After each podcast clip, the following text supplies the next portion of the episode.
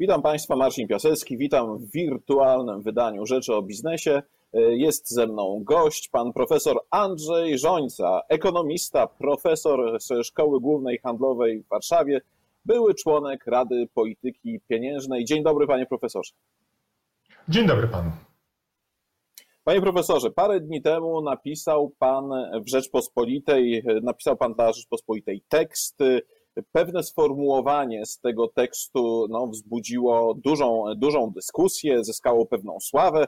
Brzmi ono tak. NBP, czyli Narodowy Bank Polski, włączył na, się w działania, które prowadzą nas z powrotem do PRL-u. Czy mógłby Pan wyjaśnić naszym widzom, o co chodzi? Po upadku PRL-u, czyli po upadku socjalizmu, wprowadziliśmy zasadę, zgodnie z którą bank centralny nie może pokrywać deficytu w finansach publicznych. Tę zasadę wprowadziliśmy do konstytucji dlatego, że socjalizm nauczył nas, że nie da się pokryć beztroskiej konsumpcji pieniędzmi drukowanymi przez Narodowy Bank Polski. A teraz mamy powrót do tamtej lekcji, która wydawało, wydawało się jest już przez nas odrobiona. Otóż bank centralny włącza się do pokrywania wydatków publicznych przez druk pustego pieniądza. Taki efekt będzie miała, czy ma, bo NBP już podejmuje e, skup obligacji skarbowych. Skup obligacji skarbowych, nawet jeżeli jest dokonywany na rynku wtórnym w naszym kraju, to przez to, że sektor bankowy jest zdominowany przez banki państwowe, może i jest być wykorzystywany właśnie do pokrywania wydatków publicznych pokrywania deficytu budżetu e, przez e, bank centralny. Niestety to się dzieje. Jeżeli ktokolwiek miał e, co do tego wątpliwości, to już pierwsze trzy transakcje te wątpliwości powinny rozwiać.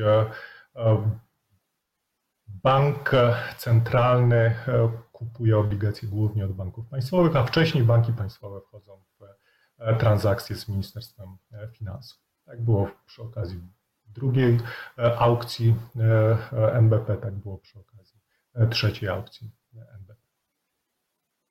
No tak, ale panie profesorze, ta, to dostarczanie płynności firmy w ramach kolejnej, firmom w ramach kolejnej tarczy antykryzysowej, owszem, z zaangażowaniem tutaj aktywności Narodowego Banku Polskiego, no, zyskało jednak aprobatę części ekonomistów, również przedsiębiorców, gdyż jest to e, sposób e, dostarczenia e, płynności firmom zagrożonym przez kryzys.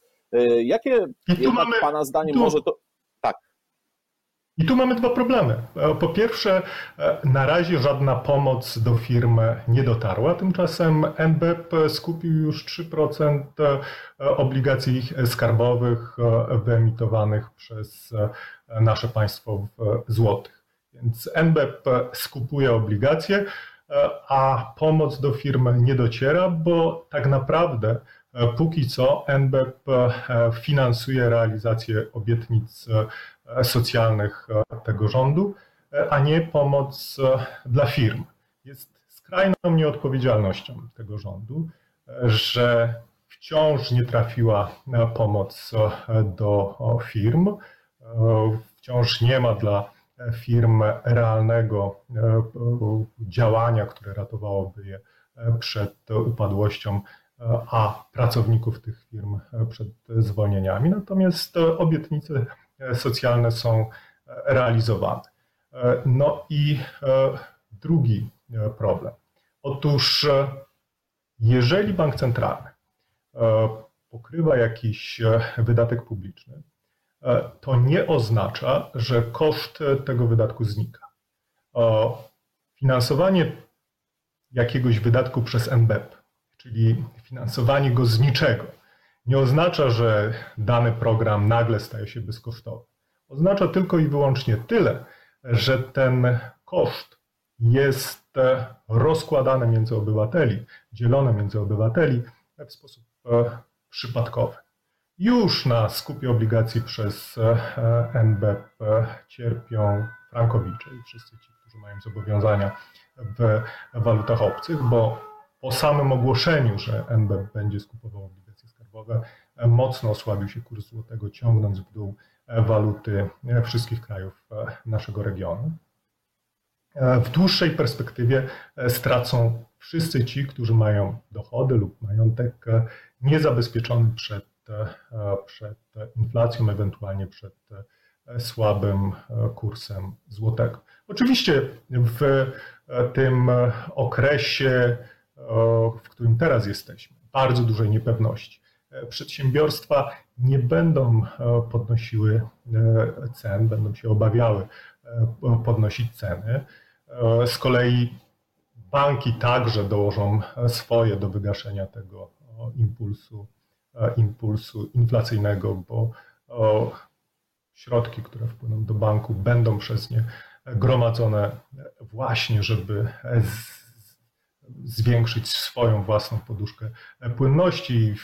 Ta poduszka płynności banków będzie trafiała z powrotem do NBP, ale w dłuższej perspektywie wkroczenie przez bank centralny na obszar, który jest zarezerwowany dla polityki, wikła bank centralny w tę politykę i wystawia go na polityczne presje. Im dłużej bank centralny pozostanie na tym obszarze, tym trudniej będzie mu się e, z tego uwikłania w e, politykę wydobyć. E, ja sobie potrafię wyobrazić, że przy wyborze następnego prezesa NBP, ewentualnie następnych członków Rady Polityki Pieniężnej, podstawowym kryterium wyboru stanie się ich skłonność do finansowania dofinansowania e, wydatków budżetu przez druk pustego pieniądza. No tak, to jeżeli nie przez Narodowy Bank Polski, to skąd wziąć pieniądze na pomoc, na pomoc gospodarce, na pomoc biznesowi, na pomoc firmom? To, są, to jest sfera, która należy do finansów publicznych. Powinniśmy ten koszt ratowania firm możliwie sprawiedliwie podzielić e, między obywateli. Ten koszt musi być podzielony między nas wszystkich e, po to, żeby dla każdego on był do uniesienia. Im bardziej sprawiedliwie go e, podzielimy, tym mniejsze jest ryzyko, że dla części z nas ten ciężar okaże się nie do uniesienia. Upadek socjalizmu upadek PRL powinien nas nauczyć, że nie da się e, uregulować rachunku za beztroską konsumpcję w tłustych e, czasach, drukując pusty pieniądz. No tak, ale to, co Pan mówi, e, czyli finansowanie, finansowanie pomocy z finansów publicznych, no doprowadziłoby do prawdopodobnie znacznego wzrostu zadłużenia, e, wzrostu deficytu, e, przekroczenia progów, e, czy też poważnego ryzyka przekroczenia progów ostrożnościowych. No to też są poważne ryzyka. Oczywiście, że tak. Na to ryzyko naraziła nas właśnie ta polityka beztroskiej konsumpcji w tłustych czasach. Zacznijmy od tego, co by było gdyby. Otóż gdyby obecnie rządzący E, trzymali się stabilizującej reguły wydatkowej w kształcie odziedziczonym po poprzednikach, e, to od 2017 roku w finansach publicznych e, byłaby nadwyżka, a nie deficyt i na ten rok przy braku wstrząsów mogłaby ona by być zaplanowana, czy wyniosłaby około 1% PKB. Tymczasem rząd zaplanował deficyt e, w wysokości ponad 2% PKB. E, jeśli e, oczyścić dane z jednorazowych dochodów. Więc różnica to około 3% PKB, czyli około 70 miliardów złotych.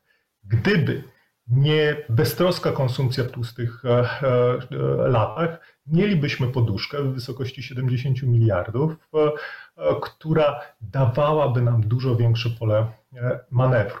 Oczywiście tej poduszki nie mamy, bo rząd tę rezerwę rozdał w dobrych czasach. Teraz musimy szukać sposobów na podzielenie kosztu ratowania firm i ich pracowników e, między wszystkich obywateli. Oczywiście dług publiczny wzrośnie, bo nie ma innego wyjścia, ale to nie może być jedyne rozwiązanie. E, powinniśmy także e, po, po, podzielić się E, tym kosztem, poszukać oszczędności w innych wydatkach, bo dzisiaj państwo musi skoncentrować swoje szczupłe zasoby tak naprawdę na dwóch rzeczach. Po pierwsze, na zapewnieniu wydolności ochrony zdrowia.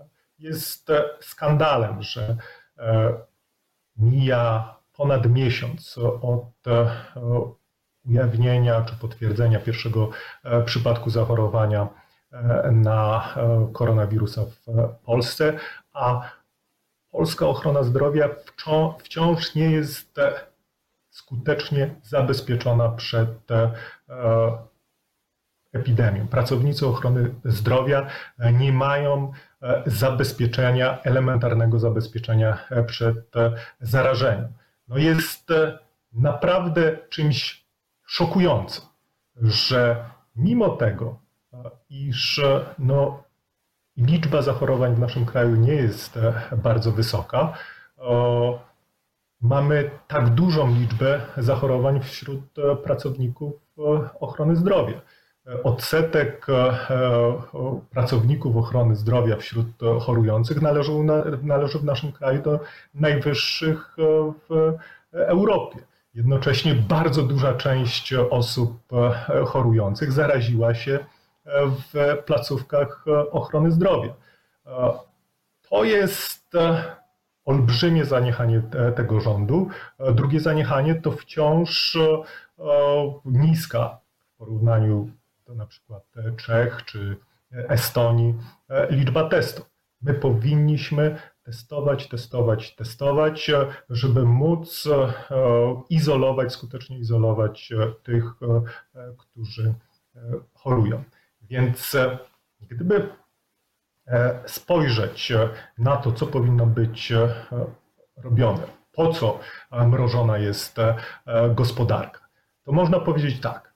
Gospodarka mrożona jest w dwóch celach. Po pierwsze, żeby wypłaszczyć krzywą epidemiczną, to znaczy po to, żebyśmy wszyscy nie zachorowali w jednym czasie, po to, żeby ta liczba zachorowań była rozłożona na możliwie dłuższy czas, tak żeby nawet w szczycie zachorowań e, liczba zachorowań nie przekraczała, nie przekraczała e, wydolności ochrony zdrowia, a po drugie po to, żeby podnieść wydolność ochrony zdrowia.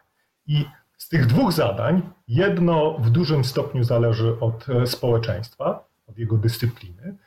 I mam wrażenie, że społeczeństwo zdało tutaj egzamin. Drugie zależy od rządu. No i rząd tu wykazał się dramatyczną e, nieudolnością. Wydolność naszej ochrony zdrowia e, przez ten ponad miesiąc e, od potwierdzenia pierwszego przypadku zachorowania w naszym kraju nie poprawiła się w wystarczającym stopniu, o czym świadczą ciągle każdego dnia ujawniane przez media no, dramatyczne e, sceny dziejące się w placówkach ochrony zdrowia. Więc e, wracając do Pana pytania. Pierwsza rzecz, e, państwo musi skoncentrować swoje szczupłe zasoby na to, żeby zapewnić wydolność ochrony zdrowia. Po drugie, musi skoncentrować się na ratowaniu firm przed upadłością i ich pracowników przed zwolnieniami. Na to na tym nie powinno się e, oszczędzać. E, póki co mamy tak naprawdę, e, powiedziałbym, bardzo znowu złą politykę. Dużo się gada, mało się robi, ochrona zdrowia, jej wydolność nie jest zabezpieczona. Do firm, do pracowników póki co jeszcze nie trafiła pomoc. Pierwszy pakiet antykryzysowy był, czy pierwsza tarcza antykryzysowa była tak skonstruowana, żeby możliwie mało firm, możliwie późno i w możliwie